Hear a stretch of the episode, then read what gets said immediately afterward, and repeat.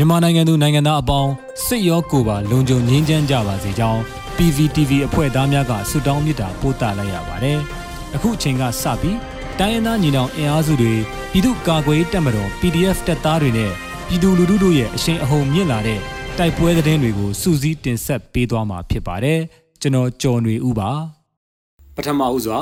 ရွှေဘူကလမလက်ကောက်ကျရွာကိုမိရှို့ခဲ့တဲ့စစ်တပ်စစ်ကြောင်းဒရုန်းဖြင့်ဘုံကျဲခံရပြီးစစ်သား3ဦးသေဆုံးတဲ့တဲ့တင်တင်ဆက်မှာဖြစ်ပါတယ်။စကိုင်းတိုင်းရွှေဘူမြို့နယ်ကလမလက်ကောက်ကျရွာကိုမိရှို့ဖျက်ဆီးခဲ့တဲ့စစ်တပ်စစ်ကြောင်းမေလ9ရက်နေ့မွန်လွယ်2:30မိနစ်မှာကြောက်ခွဲတောင်ပေါ်၌ရောက်ရှိနေစဉ်ဒေသခံကာကွယ်ရေးတပ်ဖွဲ့များကဒရုန်းဖြင့်ဘုံကျဲတိုက်ခိုက်ခဲ့ပြီးစစ်သား3ဦးသေဆုံးခဲ့ကြောင်းမိနဂါပျောက်ကြားတပ်ဖွဲ့ထံမှသိရပါဗျ။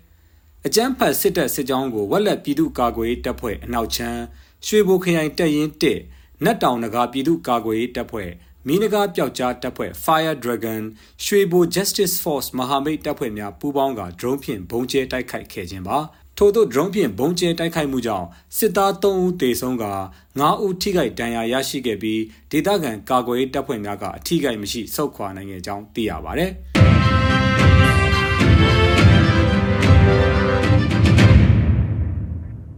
ဆက်လက်ပြီးကလေးမြို့နယ်တောင်ပိုင်းရေရှင်ရွာတိုက်ပွဲမှာစစ်ကောင်စီဘက်မှစစ်သား14ဦးထက်မနည်းတေဆုံးပြီး PDF 2ဦးကြဆုံးတဲ့တဲ့တင်ဆက်ပါမယ်။စကိုင်းတိုင်းကလေးမြို့နယ်တောင်ပိုင်းရေရှင်ကြီးရွာသို့စစ်ကြောင်းထိုးလာတဲ့အကြမ်းဖက်စစ်ကောင်စီတပ်ဖွဲ့ကိုဒေသကာကွယ်မဟာမိတ်တပ်ဖွဲ့များကမေလ10ရက်နဲ့9ရက်နေ့များမှာခုခံတိုက်ခိုက်ခဲ့ပြီးစစ်သား14ဦးထက်မနည်းတေဆုံးက PDF 2ဦးကြဆုံးသွားကြောင်း PDF ကလေးကသတင်းထုတ်ပြန်ပါတယ်။အကြမ်းဖက်စစ်ကောင်စီတပ်နဲ့ပြူစောတိများဟာ အင်ကျွန်းရွာမှစစ်ကြောင်းတစ်ကြောင်းကြံသာရွာမှစစ်ကြောင်းတစ်ကြောင်းစုစုပေါင်းအင်အား200ကျော်ဖြင့်ထိုးစစ်ဆင်လာခဲ့ပြီးမေလ8ရက်ည8နာရီမှ10နာရီထိတိုက်ပွဲပြင်းထန်ခဲ့ကစစ်သားအနည်းဆုံး10ဦးသေဆုံးနိုင်ကြောင်းသိရှိရပါတယ်။ရေရှင်ရွာသို့ဦးတည်လာတဲ့စစ်ကောင်စီတပ်ဖွဲ့ကို မေလ9ရက်နနက်8နာရီမှစတင်က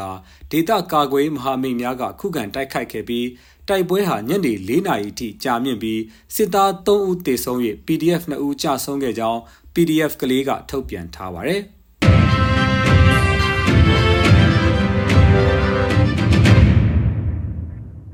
ကြိုက်ထုံမှာစစ်ကောင်စီရဲ့ရိတ်ခါပို့စစ်ရင်တန်းကို KNL ပူးပေါင်းတပ်ဖွဲ့ကနှစ်ကြိမ်မိုင်းခွဲပစ်ခတ်တိုက်ခိုက်စစ်ကားတစ်စီးထိမှန်တဲ့တဲ့တင်ဆက်လက်တင်ဆက်မှာပါ။ မွန်ပြည်နယ်ကြိုက်ထုံမြို့နယ်အဝေးပြေးကားလမ်းပေါ်မှာရန်ကုန်မှမော်လမြိုင်ဘက်သို့သွားနေတဲ့အကြမ်းဖက်စစ်ကောင်စီရဲ့ရိတ်ခါပို့စစ်ရင်တန်းကို KNL တပ်မဟာ1ပူးပေါင်းတပ်ဖွဲ့များကလက်နက်ကြီးဖြင့်၎င်းမိုင်းခွဲရ၎င်းနှစ်ကြိမ်တိုက်ခိုက်ခဲ့ကြောင်းသတင်းရရှိပါရယ်။ကြိုက်ထုံမြို့နယ်အင်္ဂဘိုကျေးရွာနီးမှာစစ်ကား73စီးပါတဲ့အဆိုပါစစ်ရင်တန်းကို KNL တပ်မဟာ1တပ်ရင်း3ပူးပေါင်းအဖွဲ့က40မမဖြင့်ပစ်ခတ်ရာစစ်ကားတစ်စီးထိမှန်ကြောင်း10:25မိနစ်မှာ KNL တပ်မဟာ1တပ်ရင်း2ပူးပေါင်းအဖွဲ့က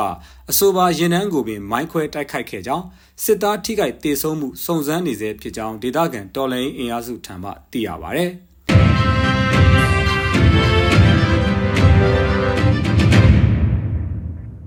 နောက်ဆုံးအနေနဲ့ရွှေဘုံမြို့နယ်မှာအကြမ်းဖက်စစ်ကောင်စီတပ်နဲ့ဒေသကာကွယ်ရေးတပ်ဖွဲ့များကြား၃ရက်အတွင်းတိုက်ပွဲမှာစစ်သား18ဦးခန့်တေဆုံးတဲ့တဲ့တင်ဆက်ပါမယ်။ စကိုင်းတိုင်းရွှေဘိုမြို့နယ်မှာမေလ9ရက်မှ9ရက်အတွင်းအကြမ်းဖက်စစ်ကောင်စီတပ်နဲ့နတ်တောင်နဂါပြည်သူ့ကာကွယ်ရေးတပ်ဖွဲ့ဝက်လက်အခြေစိုက်တော်လှန်ရေးအဖွဲ့များကြားတိုက်ပွဲများဖြစ်ပွားခဲ့ပြီးစစ်ကောင်စီဘက်မှ18ဦးခန့်တေဆုံးကြောင်းဒေသကာကွယ်ရေးမဟာမိတ်တပ်ဖွဲ့များဘက်မှ3ဦးကြဆုံးပြီး2ဦးပျောက်ဆုံးနေကြောင်းသိရှိရပါတယ်။မေလ9ရက်နေ့မှာရွှေဘုံမြို့နယ်အရှိချမ်းကြောင်မြောင်းမြို့နယ်ကွဲဟင်းတာကြီးကျေးရွာနဲ့ကလမလက်ကောက်ကျကျေးရွာဘက်သို့ အင်အား90ခန့်ရှိတဲ့စစ်ကောင်စီတပ်ဖွဲ့စစ်ကြောင်းထိုးလာပြီးဟင်းတာကြီးကျေးရွာကိုမိရှို့ဖျက်ဆီးကြောင်းရင်းနောက်ကလမလက်ကောက်ကျကျေးရွာဘက်သို့အလာမှာဒေသကာကွယ်မဟာမိတ်တပ်ဖွဲ့များကမိုင်းခွဲတိုက်ခိုက်ရာစစ်သား10ယောက်ခန့်တေဆုံးပြီးဒဏ်ရာရသူများလည်းရှိကြောင်းနတ်တောင်နဂါပြည်သူ့ကာကွယ်တပ်ဖွဲ့ထံမှသိရှိရတာပါ။၎င်းနေညနေပိုင်းမှာအကြမ်းဖက်စစ်ကောင်စီတပ်ဖွဲ့ဟာ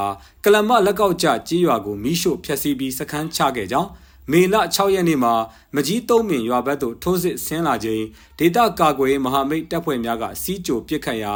နိုင်ဝက်ခန့်တိုက်ပွဲဖြစ်ပွားပြီးစစ်သား9ဦးခန့်တေဆုံးကြောင်းစစ်ကောင်စီဘက်မှလက်နက်ကြီးလက်နက်ငယ်ပစ်ခတ်မှုများရှိတော်လဲအထိကိမရှိပြန်လည်ဆုတ်ခွာလာခဲ့ကြောင်းသိရှိရပါတယ်ခင်ဗျာ။